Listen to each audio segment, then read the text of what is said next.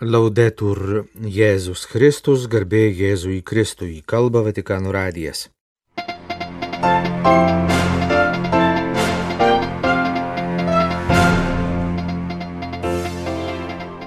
Popiežiaus Pranciškaus apaštališkoji kelionė. Šioje laidoje pirmiausia kalbėsime apie pasaulio jaunimo dienų kryžiaus kelią, kuris penktadienio vakarą vyko Lisabonoje. Šeštadienio rytą popiežius aplankė Fatimos Dievo motinos šventovę ir su joje susirinkusiais, sergančiais ir negalę turinčiais pasaulio jaunimo dienų dalyviais kalbėjo rožinio maldą. Šeštadienį rūpiučio penktą dieną buvo švenčiamas Romos švenčiausiosios mergelės Marijos didžiosios bazilikos dedikavimo liturginis minėjimas. Liaudės pamaldumo tradicijoje vadinamas Marijos snieginės švente. Šios mūsų laidos pabaigoje sekmadienį švenčiamos Kristaus atsimainimo šventės Evangelijos komentaras. Penktadienio vakarą popiežius Pranciškus kartu su pasaulio jaunimo dienų dalyviais apmastė kryžiaus kelią. Pamaldos vyko tame pačiame Lisabonos Eduardo VII parke, kuriame jau antradienio vakarą buvo aukojamos jaunimo dienų atidarimo mišios, o ketvirtadienio vakarą įvyko pirmasis popiežiaus susitikimas su į Lisaboną iš viso pasaulio atvykusių jaunimu. Kryžiaus kelio pamaldos, kuriuose dalyvavo 800 tūkstančių jaunuolių, prasidėjo popiežiaus įvadu. Jesús es el camino y vamos a caminar con él, porque él caminó. Pranciškus priminė, kad Jėzus yra kelias. Jėzus eina kartu su žmonėmis per gyvenimą, guodžia kenčiančius ir vilties ištroškusius žmonės, guodžia pavargusius, ištiesia ranką kenčiantiems. Jis sustoja prie kiekvieno žmogaus ir švelniai rūpinasi kiekvienu. Popiežius priminė jaunimui, kad pasaulyje nėra didesnės meilės už tą, kurią mums parodė Jėzus atiduodamas gyvybę už kiekvieną iš mūsų. Y la cruz que acompaña cada jornada mundial de la juventud es el icono, es la figura. Kryžius lydintis pasaulio jaunimo dienas nuo pat pradžių yra būtent šios meilės ženklas. Toliau savo kalboje Pranciškus paprašė Lisabonos parke penktadienio vakarą buvusius jaunuolius savo širdyje atsakyti į klausimą, ar jiems gyvenime pasitaiko verkti ir dėl kokios priežasties. Todos en la vida hemos llorado y lloramos todavía. Y ahí está Jesús con nosotros. Él llora con nosotros, porque nos acompaña en la oscuridad que nos lleva al llanto. Mums visiems yra tekę verkti. Ir kaip tik tada Jėzus yra su mumis. Jis verkia su mumis, sakė Pranciškus. Jėzus savo švelnumu nušluosto ašaras. Jis nori užpildyti žmogaus vienatvę savo artumu. Jis yra šalia, nori savo paguodą išsklaidyti mūsų baimės. Jis prašo nebijoti, rizikuoti, mylėti.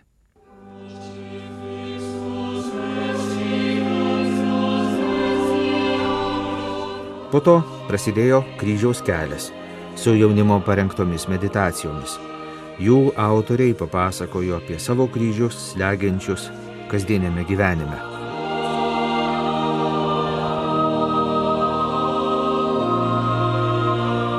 Keturiolikos kryžiaus kelio stočių apmąstymuose buvo kalbama apie gyvenimo perspektyvų stoką ir smurtą, su kuriuo susiduria jauni žmonės, apie jaunimo baimę imtis gerų darbų, vis atidėliojant svarbius sprendimus, apie atskirtį ir netoleranciją, apie pernelyg didelį individualizmą, apie per pandemiją išgyventą sunkę izolacijos patirtį, apie baimę dėl mūsų planetos ateities apie kovą su priklausomybėmis, apie migrantų verčiamų palikti savo namus ieškant saugaus gyvenimo dramą, apie pasaulį, kuris vadovaujasi pinigų, o ne meilės logika, apie į visuomenės paribius nustumtus senus žmonės ir žmonės su negale, apie sunkumus atskirti tiesą nuo melo ir informacijos triukšme rasti turinį, kuris padeda tobulėti. Pamaldų pabaigoje popiežius suteikė palaiminimą visiems dalyviams ir galiausiai dar valandėlę pabendravo su kryžių nešusiais ir meditacijas parengusiais jaunuoliais.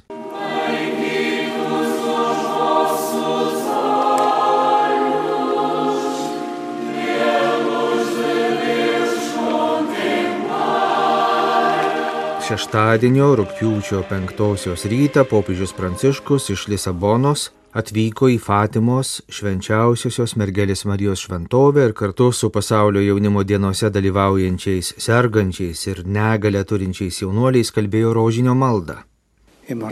Rosario, bella, llena de vida.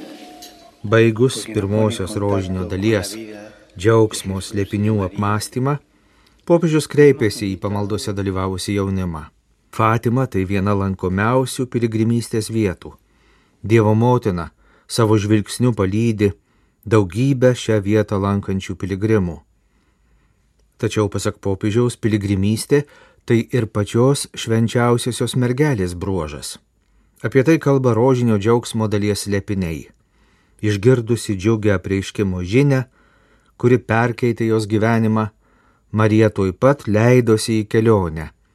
Nuskubėjo pas giminaitę Elsbietą.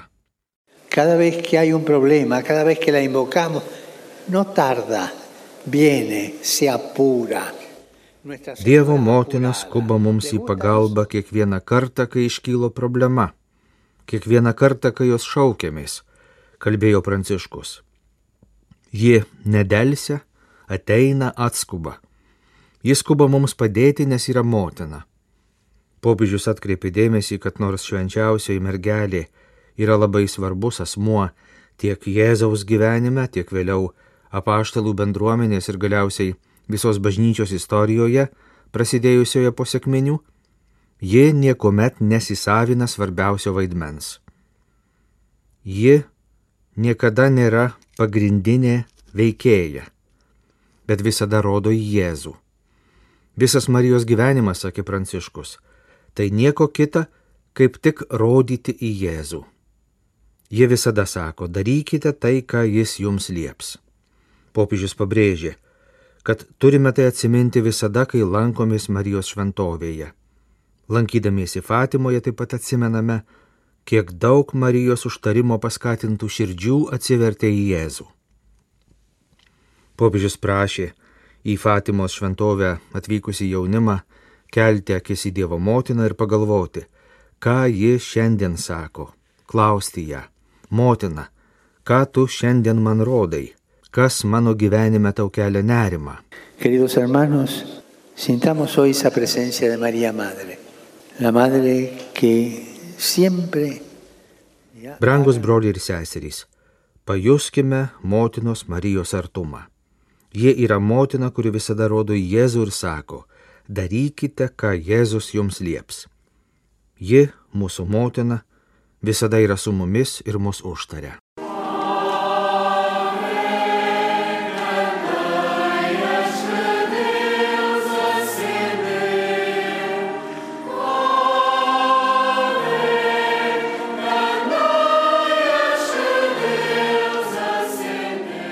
Vizito Fatimos šventovėje popiežius grįžo į apaštališkąją nunciatūrą Lisabonoje, kuri vizito metu yra jo namai. Šeštadienio vakarą jo dar laukė tradicinis susitikimas su šalyje tarnaujančiais jėzuitais. Po to kulminaciniai pasaulio jaunimo dienų įvykiai. Maldos būdėjimas kartu su šimtais tūkstančių jaunuolių iš viso pasaulio šeštadienio vėlų vakarą ir galiausiai pasaulio jaunimo dienų uždarimo mišios sekmadienio rytą. Sekmadienį po uždarimo mišių bus pranešta, kur ir kada vyks kitas toks didysis pasaulinis jaunimo susitikimas. Sekmadienis bus jau paskutinė popiežiaus vizito Portugalijoje diena.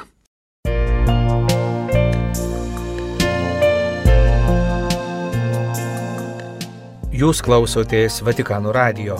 Tęsėme žinių laidą lietuvių kalba.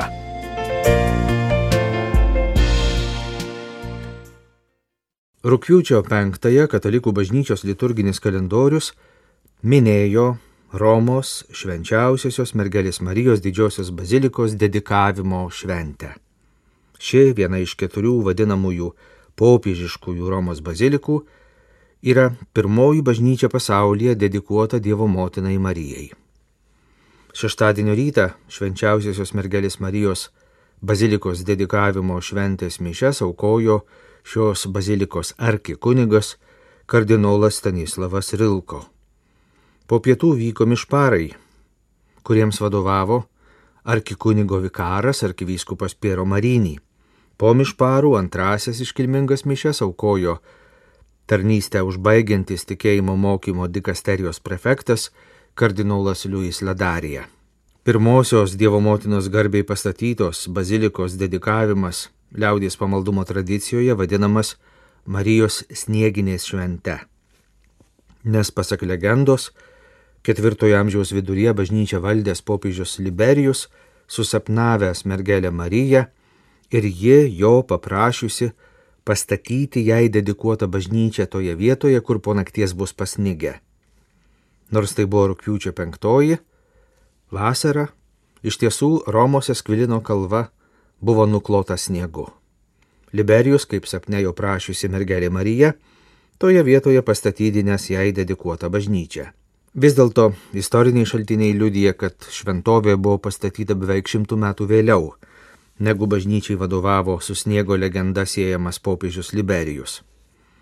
Pirmosios Marijai dedikuotos bazilikos statytojas buvo popiežius Sikstas III, vadovavęs bažnyčiai nuo 432 iki 440 metų. Jo pontifikatas prasidėjo greit po 431 metais vykusio Efezo visuotinio bažnyčios susirinkimo, kuris paskelbė, kad mergelę Mariją galima ir reikia vadinti Teotokos, Dievo motina. Romos didžioji švenčiausiosios mergelės Marijos bazilika garsėja joje saugoma senaja Dievo motinos, romiečių globėjos, salius populį romaniai ikona. Šią ikoną labai brangina popiežius Pranciškus.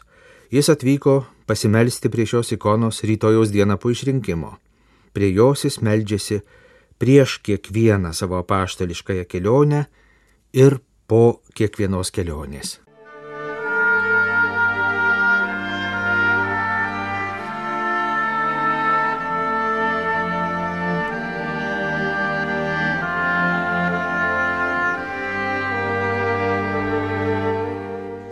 Kristaus atsimainimas iš Evangelijos pagal Matą. Jėzus pasėmė su savimi Petrą, Jokūbą ir jo brolį Joną ir užsivedė juos nuo šaliai į aukštą kalną. Ten jis atsimainė jų akivaizdoje. Jo veidas sužybo kaip saulė, o drabužiai tapo balti kaip šviesa. Ir štai jiems pasirodė Mozė ir Elijas, kurie kalbėjosi su juo. Tuomet Petras kreipėsi į Jėzų viešpatie gera mums čia būti. Jei nori, aš padarysiu čia tris palapines - vieną tau, kitą moziai, trečią Elyjui. Dar jiems tebe kalbant, štai šviesus debesis apsiautė juos. Ir štai balsas iš debesies prabilo. Šitas yra mano mylimasis sūnus, kuriuo aš labai geriuosi. Jo klausykite. Tai išgirdę mokiniai parpuolė kniupsti labai įsigandę. Bet Jėzus priejo, palėtė juos ir tarė kelkitės, nebijokite. Pakėlę akis jie nieko daugiau nebematė tik vieną Jėzų.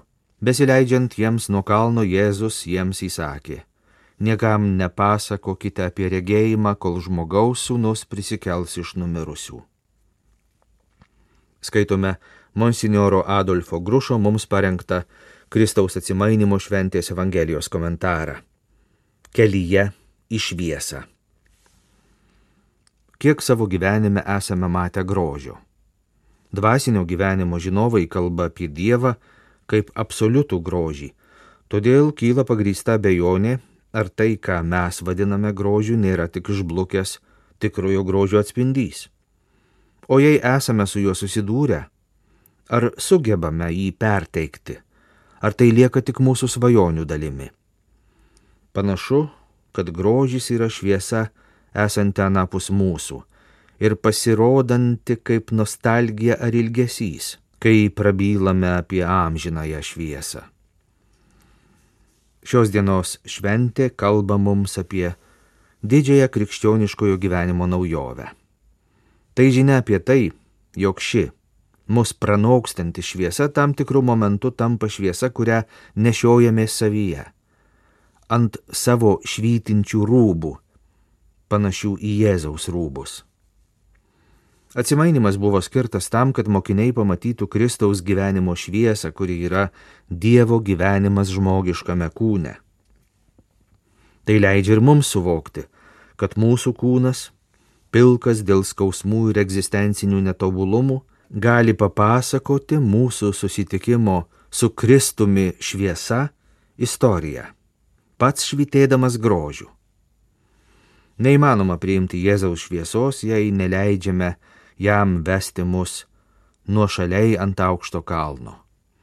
Kopimas į kalną, kuris biblinėje tradicijoje yra Dievo apreiškimo vieta, reiškia būtinybę atsiriboti nuo lygumos, nuo savojo grožio suvokimo, leidžiant, kad Kristus papasakotų, koks jis yra iš tikrųjų.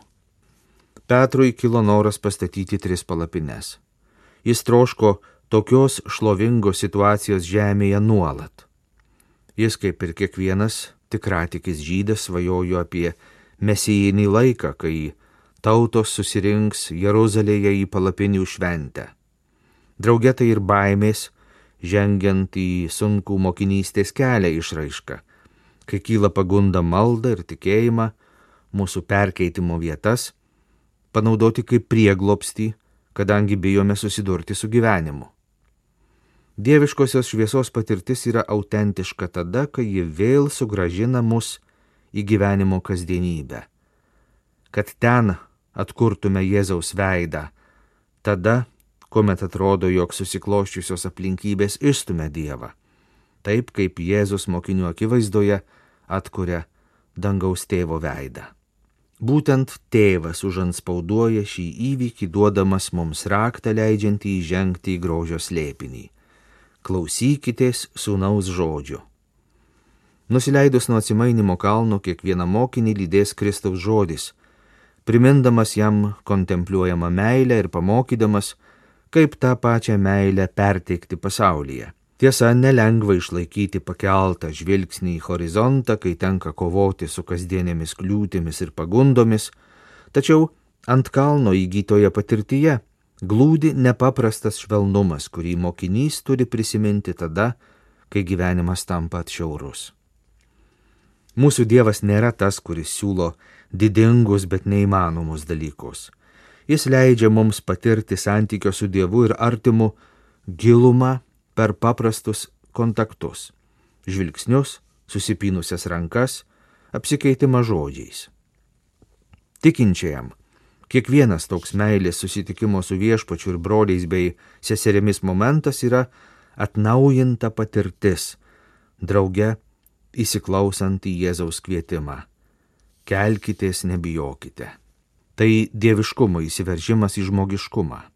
Mes jaučiamės apimti džiaugsmo, apgaupti gilaus pasitikėjimo, kupini dėkingumo ir meilės, nes žinome esą mylimi. Ir tada neįmanomi dalykai tampa įmanomais.